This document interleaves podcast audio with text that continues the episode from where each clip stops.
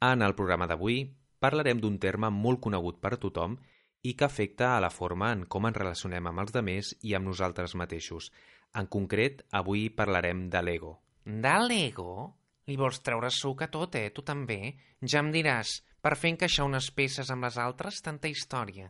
Pere, he dit ego, no l'ego. Ah, doncs m'agradava més lo de les peces, doncs. Molt bé, doncs vés a jugar-hi una estoneta, va. No, no, ara no, eh? Que jo sóc dels que s'hi enganxa. Doncs llavors aquí quietet i no molestis gaire. Aviam, la paraula ego és una paraula provinent del llatí i significa textualment jo. Ah, sí, tu? I per què no un altre? Eh? Pere, és jo, però no de mi, sinó de jo de forma com podria ser tu. No, clar, però precisament t'ha tocat a tu, oi? No, vull dir que és, que és un jo genèric, que no és personal. Doncs si no és personal, per què parles de tu?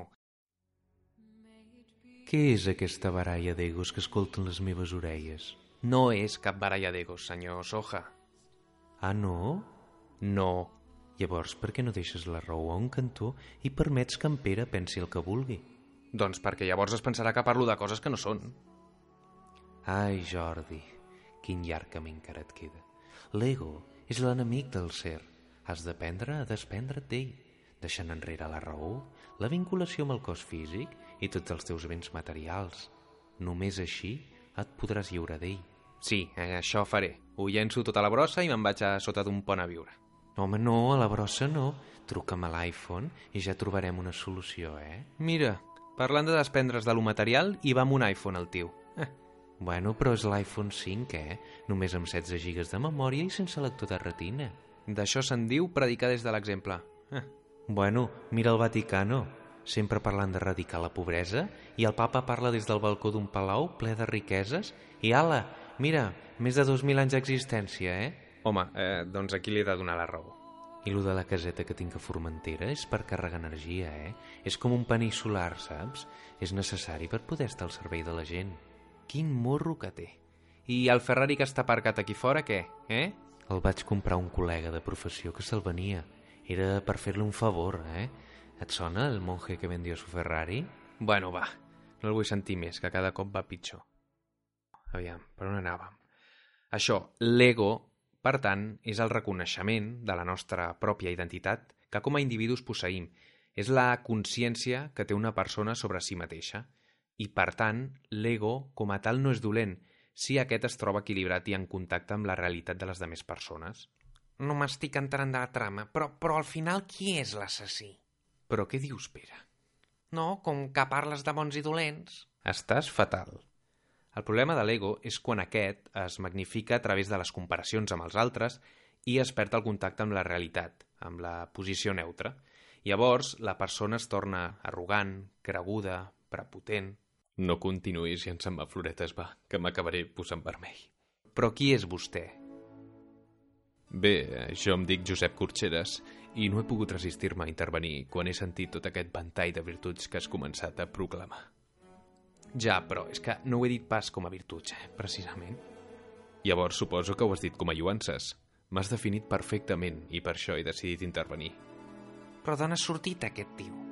Aquest cavaller que amablement et parla ha sortit de la Royal College of Music de Londres.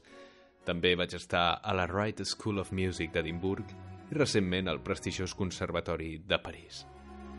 Caram, quants estudis. Jo vaig anar al col·legi parroquial del poble, amb aquelles monges tan maques i amb aquelles bates que portaven, que semblaven per anar a Caldea, eh? Tenien 80 anys, eh? Les monges, eh, vull dir. Les bates, no ho sé, potser uns 20, no ho sé. Va, Pere, no t'enrotllis més. Escolti, senyor Corxeres, llavors vostè ens va com anell al dit per la temàtica que hem decidit tractar avui. Una persona arrogant i amb una exagerada autoestima. Així és, sóc la persona de la meva vida. Ah, molt bé. I a banda de vostè mateix, hi ha algú que s'estimi en bogeria i que li faci bategar el cor? Bé, eh, no m'agrada parlar sobre aquest tema. Em poso una mica tendre. Ah, mira, està enamorat. Bé, és una persona molt especial i sento tantes coses cap a ella que quan la veig perdo el món de vista.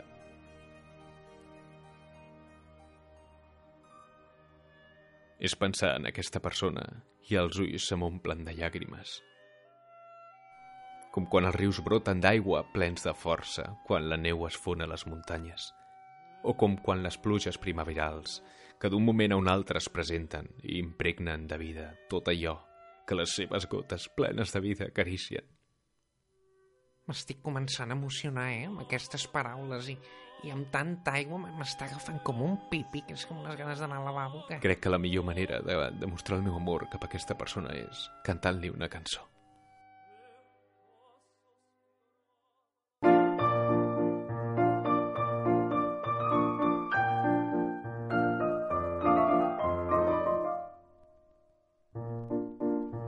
T'estimo, t'estimo com no s'ha vist mai, veient la teva bellesa que m'emociona i quedo, i quedo ben enlluernat quan em mires com si no haguessis trencat un plat. T'estimo, dolça presència, em fas connectar amb la meva essència, perquè aquest dolor al cor quan no tinc el meu davant.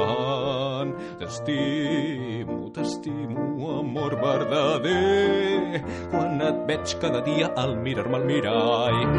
Quan et veig cada dia al mirar-me al mirall. Quan et veig cada dia al mirar-me al mirall.